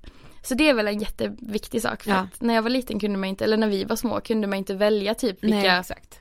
Man fick ju bara se det som var på tv och Ja, tidning och så. precis. Vi är ju så gamla att det fanns ju inte Nej, Instagram. Men nej men nu kan man ju faktiskt ändå välja på det Precis. stället som man spenderar mest tid på, Ja. vad man vill se. Det ska man faktiskt utnyttja. Ja. ju. Ja. Verkligen. Mm. Och en annan sak som, som också har varit viktig för mig är att ja, men, gå runt mycket avklädd eller i de här kläderna man kanske är obekväm i, typ Ah. bikini eller idrottskläder eller underkläder så hemma. Och gör så här supervanliga saker, alltså kolla Mm. på tv eller plocka disken eller vik tvätt eller Ja men gör allt du gör med kläder på fast, fast gör det avklädd eller i så. Gud vad bra tips. Ja, för det, det- måste jag börja göra. Ja men alltså det är ju, för Alltså- det första är det ju härligt att Ja. vara avklädd. Ja. Men också så här att det är så skönt att man till slut inte tänker på att man inte har, har sina vanliga Ja. skyddskläder på sig eller vad man Ja. ska säga. Och att kroppen har exakt samma funktioner och funkar lika bra till att göra de här sakerna du gör med kläder på utan dem. Det blir inget fel på kroppen för att du ser mer av den liksom. Nej exakt. Fan vad så bra. Och det är väldigt enkelt att göra för det är bara att klä av sig. Ja, ja precis. Eh, och sen, Ett tips till. Ja, en sista sak. Det här brukar jag göra som en liten, eh, liten övning ibland när jag har Ja. föreläsningar typ. Men det är att jag brukar be folk att tänka på någonting elakt du har tänkt om dig själv.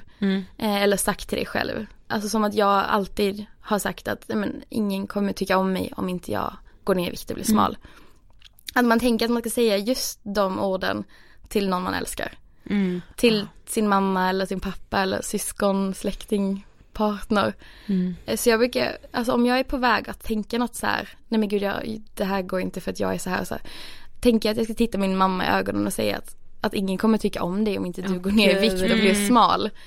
Och det, alltså om det inte känns bra att säga det, men säg inte det till dig själv då Nej, heller. För att, precis. alltså min relation till, ja men till exempel min mamma skulle ju verkligen inte bli bra om jag gick runt och sa sånt till henne som jag, som jag säger till mig själv. Så det är klart att min relation till mig själv inte blir bra om jag ständigt liksom klankar ner på mig själv och säger de här Exakt. fruktansvärda sakerna. Ja. Så försök istället, alltså de fina sakerna du tänker om andra, försök tänka det om dig själv också för du är ju faktiskt lika älskad tillbaks av dem och de Exakt. tycker att du är en fantastisk människa precis som du tycker om dem. Mm. Så bra. försök, nej men verkligen försök stoppa dig själv när du tänker de sakerna. Mm. För det är inte okej, det är inte snällt mot dig Nej, själv. det är Nej. så jävla taskigt mot sig själv. Men Verkligen. nu har vi ju verkligen så fokuserat på kroppen och du liksom beskrev dig själv som Mm. liksom den här kroppsaktivisten som Ja. pratar om kroppen och allt så här. men kan du bli trött på att allting alltid ska handla om kroppen? Alltså så att Mm. du, hel, att det blir lite så här, det är du, att Ja. prata om din Ja. tjocka kropp. Ja. Alltså, Ja men verkligen. Ja. Alltså för att det, det kan jag verkligen känna för att jag försöker ju jag tycker det är jätteviktigt att prata om det så jag är jätteglad att jag får göra det här med er också. Men i mina sociala medier, på min Instagram och YouTube, alltså jag gör ju så mycket saker där jag aldrig nämner min kropp. Alltså Nej, jag exakt. älskar att prata om kläder.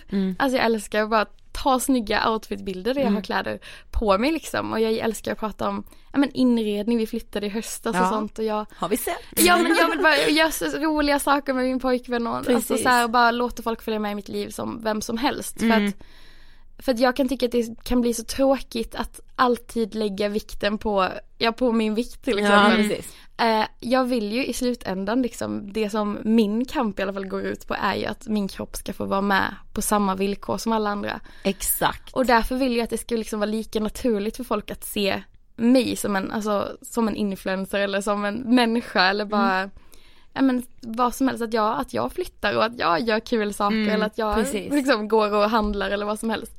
Att det inte ska vara konstigare att se än att om jag var smal. Liksom. Exakt. Och därför vill jag inte alltid liksom göra en grej av att, att jag är tjock. Liksom. Nej. För jag tänker att det ska bara vara naturligt för folk att se att det inte är något konstigt. precis. För det är ingen som gör en grej av att nå- någon är smal. Nej, liksom. Exakt så. Så här, nej. Exakt så. Sen är det såklart, det är ju saker som skiljer sig så det gör ju att jag måste prata om det ibland. Precis, för såklart. Jag blir ju behandlad på andra sätt ibland och det finns ju anledningar till att jag till exempel inte jobbar med vissa företag just för att de inte är inkluderande och sådana saker.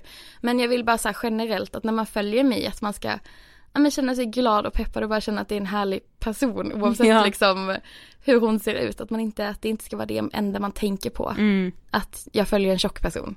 Nej, utan precis. att jag följer en person jag gillar bara. Jag, så jag följer Linda-Marie. Ja, men exakt. it, Ja. liksom. Exakt så. Jag älskar Ja. det. Ja. Nej men du om vi lämnar kroppen lite. För alltså vi blev så tagna av en video du gjorde på din YouTube-kanal. Ja. Eh, för på nyårsafton, alltså bara för någon månad sedan, Ja. så eh, dog din mormor. Ja. Och eh, det känns som att du liksom vågar, i alla fall i den videon, att du vågade vara så himla öppen om Mm. din sorg. Ja. Eh, alltså såhär bara, vem, vem var din mormor? Alltså, vad hade, hade ni Gud, liksom en nära relation? Ja men det får man bli, det får man bli. Eh, för det är inte så länge sedan. Nej det är eh. ju verkligen inte det. Nej gud, alltså min mormor var ju den finaste, alltså verkligen. Gud, jag har typ inte pratat så mycket om det nu förutom i den där videon liksom. Mm. Men, eh, nej men hon var fantastisk. Jag har ju inte haft så här, både min farfar och min morfar dog innan jag föddes och min farmor dog när jag var ganska liten så jag kände ju inte dem så mycket liksom. Nej. Eh, men mormor har alltid varit med liksom. Alltså jag har ju varit där så himla mycket. Varje gång jag åkt ner till Skåne liksom, sen jag flyttade till Stockholm har jag ju varit hos henne och när jag var liten bodde jag ju hos henne ibland, typ när min lillebror föddes och sånt. Och Mm. Vi gjorde jättemycket tillsammans och hon var ju alltid, ja men vi är ju inte så himla många i min släkt så, så här, på julen var det alltid bara min familj och sen min mormor och min morbror liksom. Så att vi var ju väldigt mycket med varandra och vi brukade, när jag flyttade till Stockholm brukade vi alltid brevväxla och skicka Nej men vad Ja, gulligt. så jag skickade alltid så här brev om vad jag gjorde i veckorna så, för hon hade ju inte så här, alltså sociala medier Nej. och så. Och det var inte alltid man hade så här tid att ringa och så men det var väldigt mysigt så här, att skicka brev och så skrev jag ut lite kort så här från vad jag hade gjort i veckan som jag hade tagit och, och Gud, vad det skickade måste- med lite så här, en chokladbit. Men det måste vara så himla härligt för dig att ha det Ja. nu tänker jag. Ja, verkligen. Ja. Så nej hon har alltid varit liksom med, hon har alltid varit så himla Ja men hon har alltid tyckt om mig så mycket. Mm. Jag vet att hon brukar liksom så här, ja men jag tror det bara var i somras eller någonting som mamma sa typ att mamma hade sagt typ att att eh, hon var så glad när jag hade varit där för att det var som att solen kom. typ Nej men. Åh gud nu blir jag ledsen. Nej men hon var jättefin. Hon var till och med med i så sent som i slutet av augusti var hon med på när min sambo är artist, så att han, när han spelade. Så nattklubb liksom var mormor med. Hon var så här, ja, över 80 år. Och var med så här hela natten liksom. Ja. Och satt med i logen och så tyckte det var så kul och jag minns att hon så här, Mamma sa sen att hon eh, dagen efter hade hon haft någon, eh, det var någon som skulle göra något vid hennes hus och det var någon så här yngre kille. Och hon bara, jag är lite trött för jag var ute på, och han bara, va? Det var jag också. så då, det tyckte hon var så kul. Ja, alltså hon var så himla fin och sen, det gick så himla fort bara så här, för att hon hade, det var ju som sagt i slutet av augusti som hon var där och sen träffade jag henne i oktober också eh, när jag var hemma och eh, sen så blev hon sjuk. Eh, ja, vi visste inte riktigt vad det var men sen så träffade jag henne. Jag var så glad. Jag, jag och Emil, eh, min sambo, firade inte jul tillsammans i år. För första gången eh, på de här fyra åren vi har varit tillsammans för att vi skulle varit hos oss här i Stockholm men min, min släkt kunde ju inte komma upp då för att mamma inte mådde bra. Mm. Eh, så att jag åkte ner själv så här dagen innan julafton bara och då fick jag träffa henne. Mm. Eh, och, då, och då fattade jag inte heller heller att det var så kort kvar. Jag tror ingen fattade det. Nej. Eh, och sen på nyårsafton så på kvällen så ringde mamma, då var jag i Stockholm. Och sa att mamma inte finns längre. Mm. Eh, det, sen, det är så svårt att förstå i och med att Precis. jag bor här och min familj är från Skåne och det är där Mm. jag kommer ifrån och det är där mormor bodde också. Så jag har ju bara varit nere, jag har varit nere hos mamma liksom så och varit med henne liksom. Men jag kunde inte gå på mormors begravning. Eh, just då fick jag influensan. Och jag har aldrig haft influensa, jag trodde inte det var så farligt typ. Nej. Men jag, jag låg ju på akuten och fick dropp för att jag var helt Precis. avsvimmad liksom. Jag var så Mm. uttorkad. Och jag minns att när jag liksom började kvickna till det här med droppet att jag ändå så frågade Emil då, som var med och bara kan vi, kan vi åka eftermiddagen då liksom? Hinner vi till begravningen? Men det kände, jag kunde ju inte liksom, jag kunde Nej. verkligen inte, jag kunde inte ens gå själv typ. Och sen så vill man inte smitta ner andra Nej. gamla för att om jag mådde så dåligt av det. Mm. Så jag kunde inte gå. Och Eh, sånt kan man ju aldrig styra över, Nej. så är det ju. Nej, så jag kunde inte gå och sen så har jag inte, jag har liksom inte varit i hennes hus eller någonting efter att hon gick bort. Jag har inte varit, det har inte blivit tomt så utan jag tänker ändå fortfarande på något sätt att hon är kvar där. Mm, att hon sitter i sitt lilla hus liksom. Mm. Och att, att nästa gång jag kommer ner så kan jag åka och hälsa på henne som vanligt. Så det är så svårt när man tänker på att hon inte är där. Ja, För att jag förstår inte att hon inte är där. Nej, men vi får väldigt mycket frågor om så här hur man liksom hanterar sorg och så. Det, det är ju ganska svår fråga för att alla hanterar det på olika sätt och det måste man också få göra. Det finns liksom inga rätt och fel i så här sorghantering tycker inte jag i alla fall. Nej men absolut inte. Men hur, hur, tänk, alltså, hur gör du för att hantera din sorg? Mm. Det är jättesvårt. Mm. Men jag, det som var viktigt för mig ändå var att åka ganska snabbt, alltså bara någon dag efter nyår till min mamma liksom. Mm. Eh, och få vara med henne och få prata om mormor liksom. Precis. Ja. Och bara alla så här, ja men allt fint man har haft med henne. Och, Ja. och jag liksom sparade ner, satt och kollade igenom min hårddisk så här sen också. Bara sparade ner alla bilder och videos jag har på mormor liksom. På ett, liksom, en speciell mapp så här för att jag ville ha. Ja för att jag vill kunna titta på henne liksom och höra hennes röst på de här videoklippen. ja. Och känna att, men att hon ändå finns, alltså hon har funnits liksom. Mm. hon var på riktigt liksom. Ja. Eh, så, så att, men sen jag, jag är ju fortfarande jätteledsen. Alltså verkligen är nu så klart. fort man så här tar upp det så känns Ja. det väldigt jobbigt för att hon är ändå inte bara mormor utan ändå en vän liksom. Ja Så precis. en väldigt viktig del av mitt liv liksom. Så att eh, det kommer ju ta tid. Jag har ju aldrig, aldrig förlorat någon på det sättet innan Nej, förut heller. I och med som jag sa att de flesta av mina äldre släktingar dog innan jag föddes Ja, eller när jag var väldigt liten. Mm. Eh, och jag har inte förlorat någon annan på det sättet heller. Mm. Eh, så jag var inte alls beredd på hur det skulle kännas heller. Nej. Eh, så jag, jag vet inte hur lång tid det tar men Men det måste få ta den tid det tar. ja. Men jag tycker det är så starkt också för att så här, all, alltså hur jävla hemskt och jobbigt den är så kommer vi ju alla någon gång i livet behöva gå igenom de här Mm. sorgerna. Det var det jag verkligen slogs av i din video att du bara var så här så ärlig och bara så här känner jag och som du är nu också. Ja, men jag också tycker att det är så jävla att- viktigt. Ja och för att ofta när man pratar om sorg så är det ändå med någon som har varit i en sorg men Ja. nu är över den. Man pratar sällan om det när man är mitt i den för att då är det lite såhär, nej jag väntar med att gråta tills jag sitter hemma själv på min Precis. kammare typ. Mm. Jag, jag tycker det är så viktigt att prata om det när man är mitt i den. Ja jag tror det Mm. också. Mm. Och som du sa att så här, åh det kändes viktigt att liksom prata om alla minnen och sånt. Jag Mm. tror det är svinviktigt. Ja. För att man också ska så här, ja men i allt det hemska och saknaden också kunna så här, skratta, känna Mm. tacksamhet och minnas och Mm. bara så här tycka att det är liksom härligt Mm. att få minnas liksom. Ja men Mm. verkligen. Nej Mm. jag kände verkligen så att Alltså mormor förtjänar allt fint man kan säga så det är klart att jag, jag vill berätta om henne så här. Mm. Hon ska inte bara, hon ska Ja. inte bara, ja men hon ska inte bara försvinna bort liksom. Nej. För hon har ju varit med på ändå på, men min, in- folk som följer mig på Instagram och Ja, så har ju sett precis. henne på story och liksom. Mm. Hon är alltid så, men hon har alltid velat vara med på saker liksom. Ja. Och jag vill inte bara att hon ska försvinna och, och zona bort liksom. Mm, utan Nej. jag vill ändå att, att alla ska veta vilken fantastisk människa hon var. Mm. Men vi har faktiskt kommit till sista frågan. Har vi det? Ja. Jag vet inte om jag är klar för det. Nej, men Jo men en härlig fråga. Ja. Vad inspirerar dig? För du inspirerar så jävla många, du inspirerar oss och vi liksom, kollar man ditt kommentarsfält, det är bara såhär love bombing. Mm. Vad inspirerar dig?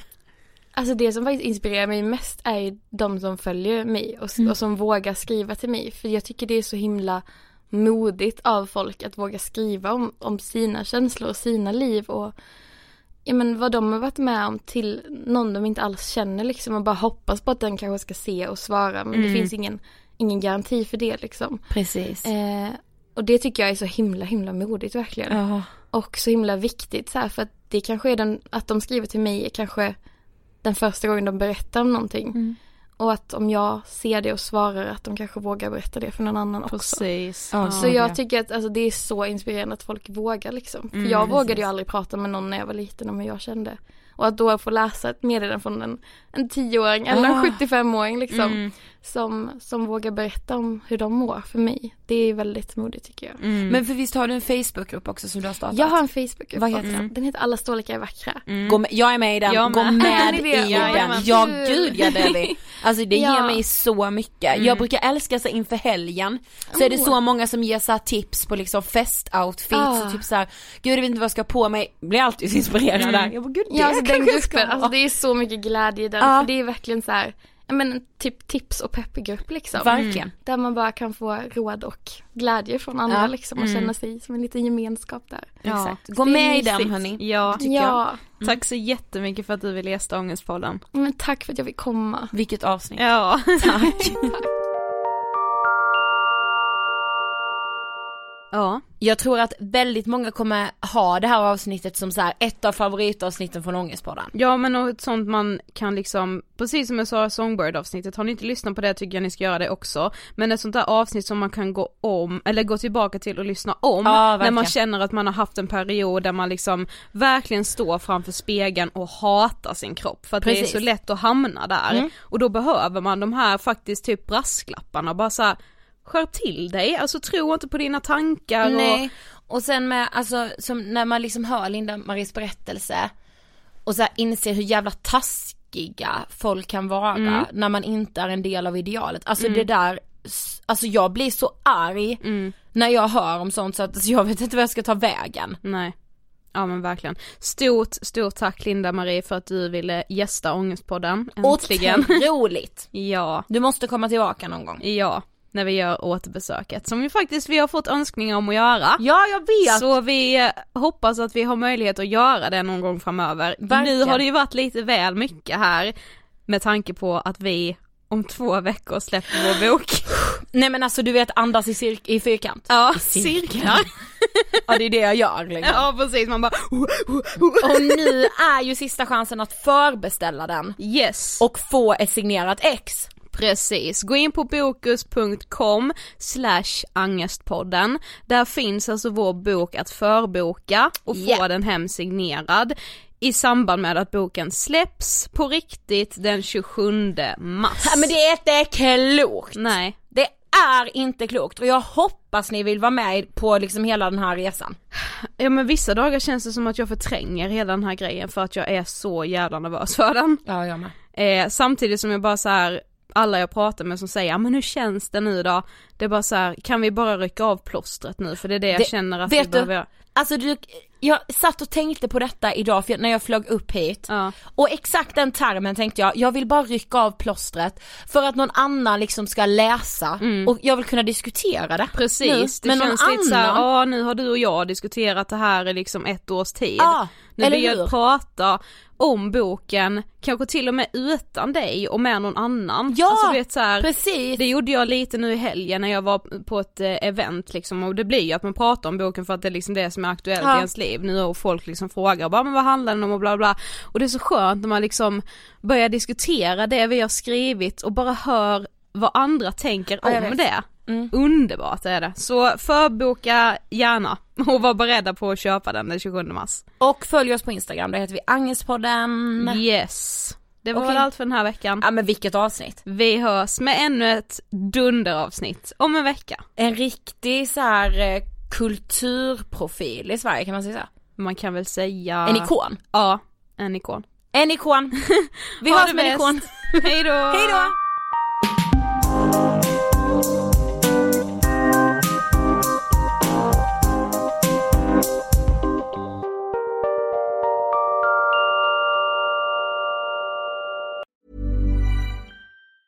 Planning for your next trip? Elevate your travel style with Quince. Quince has all the jet setting essentials you'll want for your next getaway, like European linen, premium luggage options, buttery soft Italian leather bags, and so much more. And is all priced at 50 to 80% less than similar brands. Plus, Quince only works with factories that use safe and ethical manufacturing practices. Pack your bags with high-quality essentials you'll be wearing for vacations to come with Quince. Go to quince.com slash pack for free shipping and 365-day returns.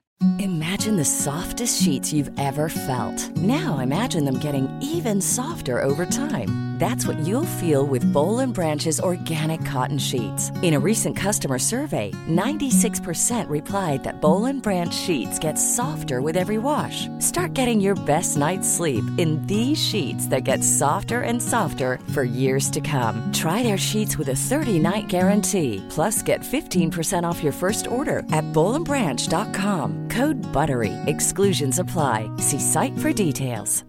Mom deserves the best, and there's no better place to shop for Mother's Day than Whole Foods Market. They're your destination for unbeatable savings, from premium gifts to show-stopping flowers and irresistible desserts. Start by saving 33% with Prime on all body care and candles. Then get a 15-stem bunch of tulips for just $9.99 each with Prime. Round out Mom's menu with festive rosé, irresistible berry chantilly cake, and more special treats. Come celebrate Mother's Day at Whole Foods Market.